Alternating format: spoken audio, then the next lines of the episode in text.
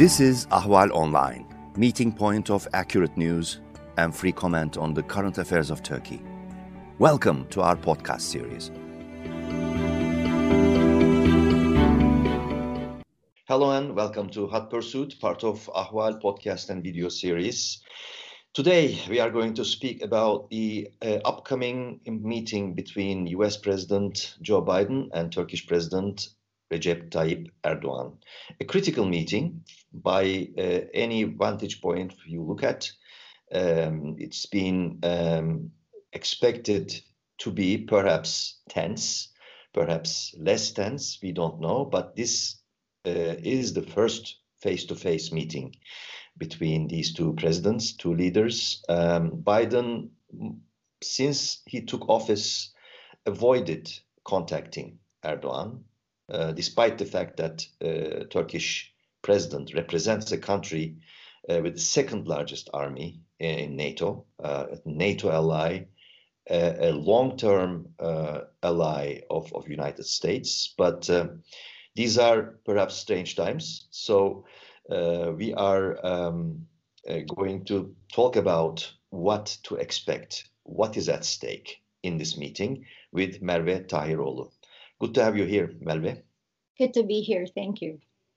Merve Tahiroğlu is the program coordinator with a project on Middle East and democracy, a think tank based in Washington, D.C.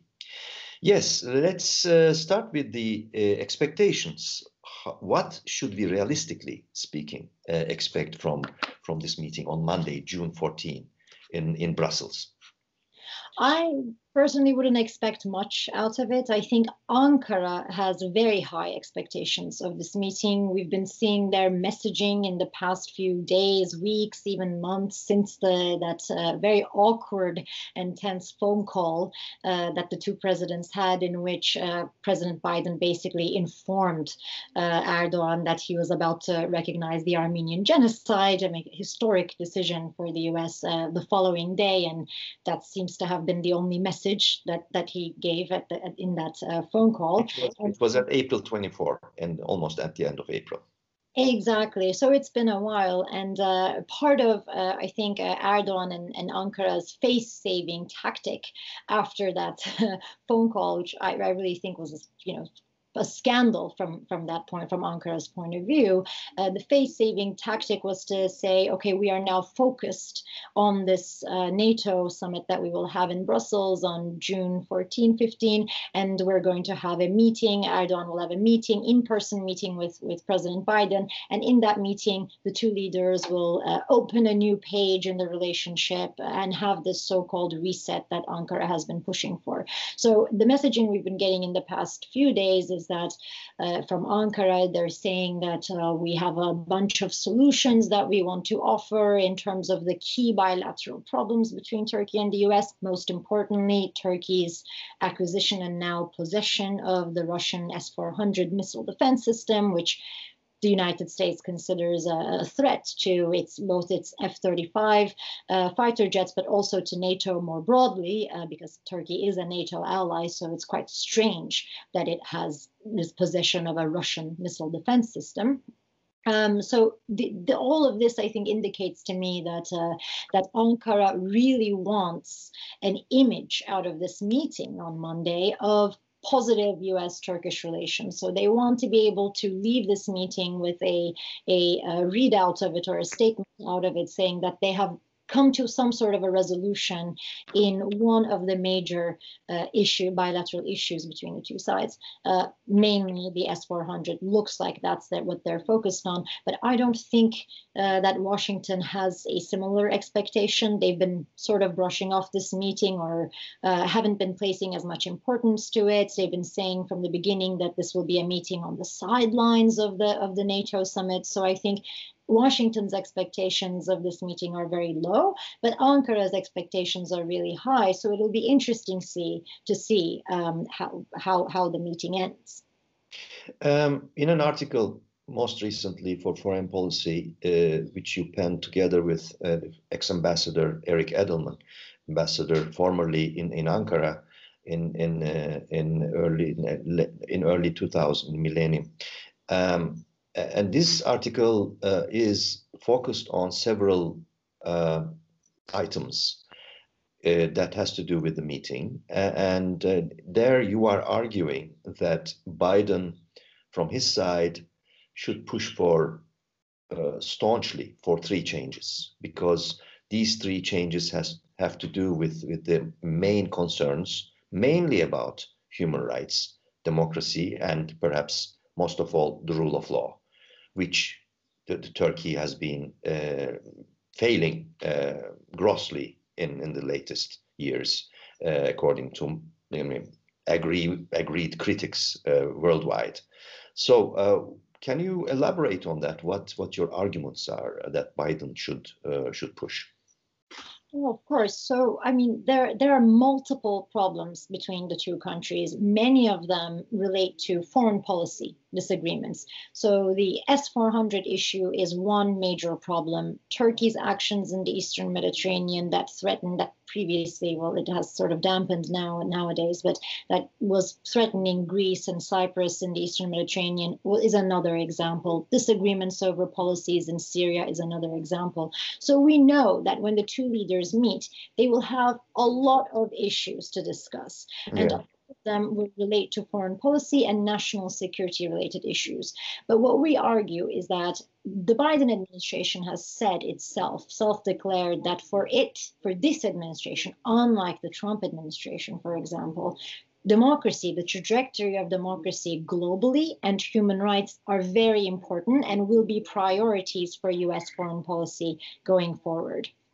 Um, if that is the case, indeed, for the Biden administration, then we need President Biden to make that message very clear to President Erdogan. Because I think what Ankara's expectation is, is that if they, if Ankara can come up with some solution to one or more of these foreign policy issues, such as the S 400s, then that will be enough to put the US Turkish relationship back on track and open a new page or, or create a reset or so forth. Uh, that is a complete wrong reading of the Biden administration um, per the administration's own statements and, and declarations. And if that is the case, then, then we need Biden to actually say to Erdogan not only that the US really cares about the rule of law, human rights, and democracy in Turkey, which every single statement coming out of the Biden administration since January has repeatedly made clear we need in this in person meeting for Biden to raise specific issues that are important for Turkey's democratic trajectory. Uh, and, you know, we only picked three of them. Of course, there are several major ones. Turkey, just in the past few months, uh, withdrew from the Istanbul Convention, which was an international agreement that it itself played a huge role in creating.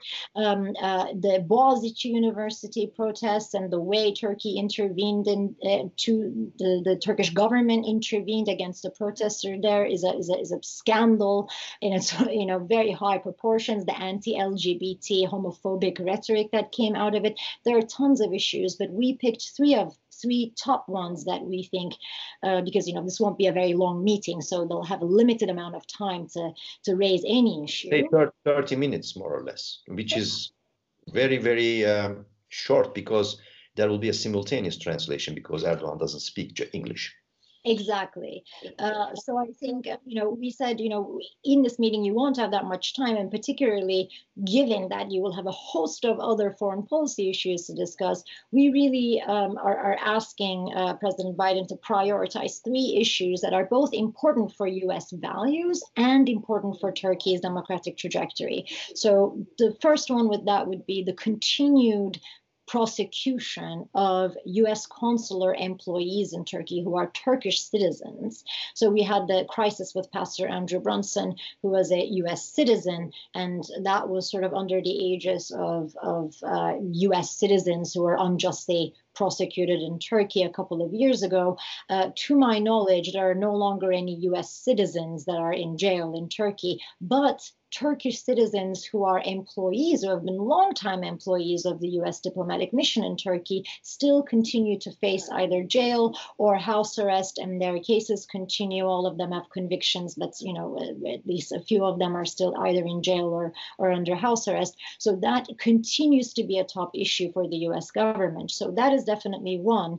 But besides that, uh, we have the the the continued and, and I think growing assault on the HDP, which is not only Turkey's second largest opposition party, but also a pre- largest predominantly Kurdish party and represents six million votes. So uh, Turkey just last week. Um, re-upped uh, its intention, the Turkish government, its intention to shut down this political party, which would have huge implications in terms of political pluralism and democratic governance. And so we put the issue of the onslaught against the HDP as a top issue that will really determine, I think, the, the future of Turkish-Kurdish relations and, um, you know, political stability and pluralism and democratic governance in Turkey. And I want to underline stability here as well because uh, we, we do, you know I, I, don't know how bad uh, things can shape up in Turkey if Kurdish citizens decide no longer to engage in the democratic voting process and all just decide to remove themselves from that from the legitimate politics entirely. And the mm-hmm. third one is the ongoing onslaught against civil society organizations and leaders. And here we pick the example of Osman Kavala because he's not only the one of the most prominent, I would say, uh, philanthropists and civil society leaders who's been in jail. But also, there is a, a ruling, clear ruling by the European Court of Human Rights since December 2019 that he should be uh, released immediately and unconditionally. And Turkey has not uh, followed, the Turkish courts have not followed that, that order, even though by law they are uh, required to follow the rulings of the European Court of Human Rights. So it, it both relates to um, the, the assault on civil society in Turkey, but also to Turkey's compliance with the rule of law at home and abroad. Mm. Uh, these are the three issues that we just picked, you know, in case there is time uh, to discuss them. And we think it's important for Biden to, to, to mention these things to, to Erdogan because that that I believe is the only way to make it very clear to Ankara uh, that even if the two sides, even if Turkey manages to come up with a problem to the S-400 issue or the Eastern Mediterranean issue or a bunch of other foreign policy issues that the two sides have, without real democ- without real reforms and progress on the domestic front with regards to human rights and democracy, there is not going to be a, a, a new page with in, in US-Turkish relationship. In the article, which uh, is, I think, important in for NATO because uh, the um, the Lukashenko uh, incident, basically the, uh, the, the dissident or or critical journalist hijacked uh, from an airplane, uh, caused a lot of stir in, in NATO, in the European Union as well. And that promises to be an issue again, because um, Turkish government probably successfully watered down, had it watered down the, the, the message uh, given by NATO about this incident. Uh, how important will that be in the, in the meeting, do you think? I think it's that incident is a prime example of why the United States and Turkey's NATO partners need to care about the way President Erdogan is ruling Turkey because we this was a prime example of we saw a horrific incident by a dictator Lukashenko taking a private airline and full of private citizens flying on a private airline and forcing that airline with its fighter jets to by, to, by a lie by lying by lying threatening and you know threatening with jets to, to force that, that airline to go to, to make a stop and to apprehend or kidnap, I would say, a dissident, a, a, a Belarusian dissident. Um, and this is a horrific incident. And so of course nato came together and they wanted to to to show unison and uh, come together and issue a very strong statement in the same way that we have a lot of international leaders. For example after the charlie hebdo uh, terrorist attacks we had a whole uh, international leaders came together. It's important to show solidarity against such actions. And it's very important for nato to show uh, at this point to show that it's it has unity and make a very strong statement against uh, this this particular horrific action. And Turkey watered that statement down. This is a prime example of how Turkey's internal trajectory completely impacts the way it behaves in foreign policy and in, in globally and in multilateral institutions like NATO, like the OSCE, like, like other multilateral institutions like the Council of Europe, which are all aimed at protecting a rules-based democratic international order. So I think it shows up the more authoritarian Turkey becomes and the more it strays away from democratic values, it's only going to continue to play a spoiler role in these multilateral institutions that are aimed at uh, safeguarding democratic principles around the world. And so we gave that example. I think this meeting uh, between Biden and Erdogan coming at the NATO summit will be quite symbolic in that it will be fresh in everybody's mind what Turkey just did. So uh, I think you know that that will have a huge impact impact on the way President Biden receives uh, President Erdogan. And finally, uh, this final question: When they meet these two leaders, of course, on personal level, uh, they have some, uh, they will have some concerns for themselves. One for Biden, of course, having promised over and over again the promotion of democracy, promotion of core values of rule of law, human rights, etc.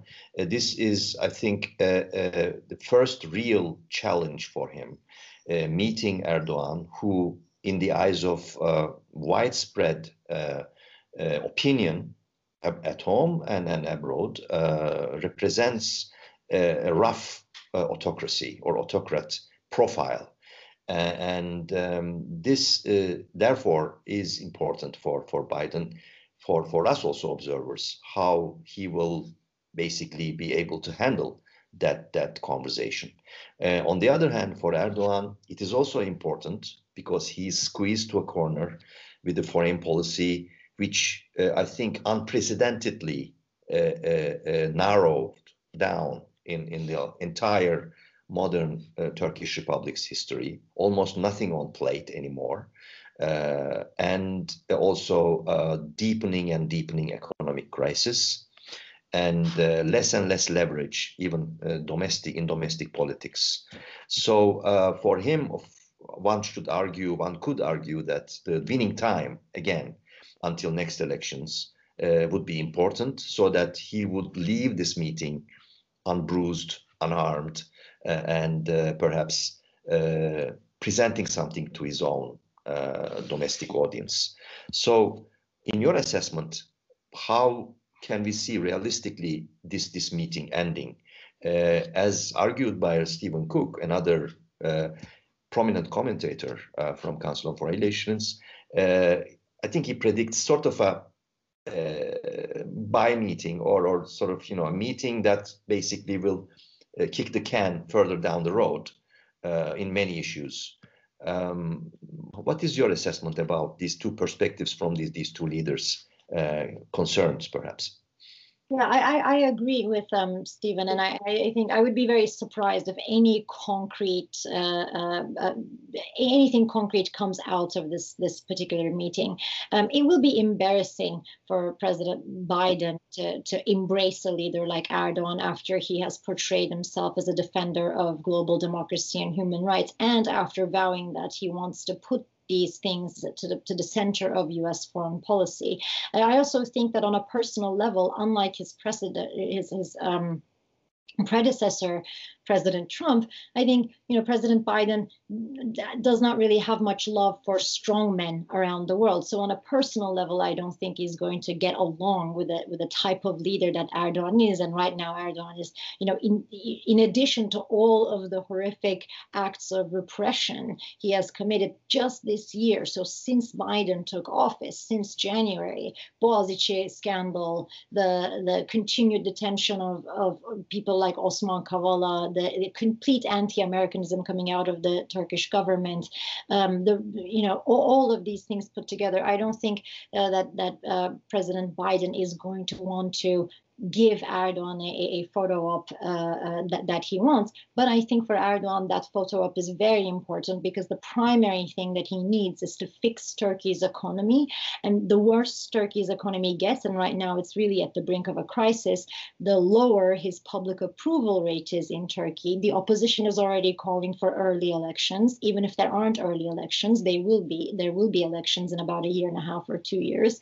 And um, with his declining approval rate at home, Erdogan really needs to fix the economy. And I think the, the only way he can do that is by getting Western investment and international investment. And the only way he can do that is by projecting an image of positive relations with the United States, other Western partners, other NATO partners. So for Erdogan, it's really important to get a good photo op and some sort of positive uh, um, statement or readout out of this meeting on Monday. So uh, these are competing interests here. So I, I think uh, it would be a shame if President Biden gives Erdogan uh, that that uh, leverage, I would say, uh, without that, getting that can be perceived by Erdogan as carte blanche again, in, as, as in many previous meetings with exactly. international context.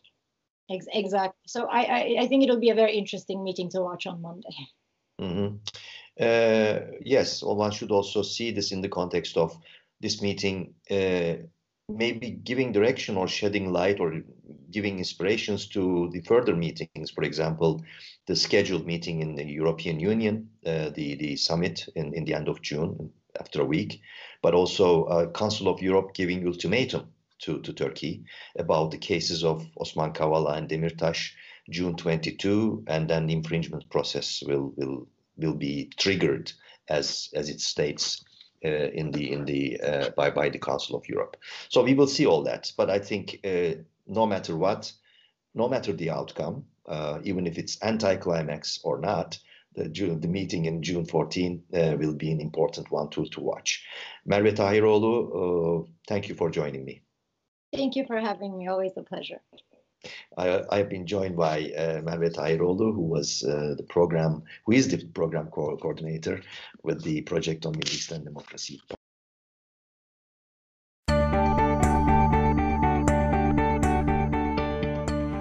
You can follow Ahval News Online podcast series through Apple Podcasts, Spotify, YouTube, Google Podcasts, SoundCloud, and Spreaker. All you need to know about Turkey is here for your ears, mind, and attention. Thank you for listening to our podcast.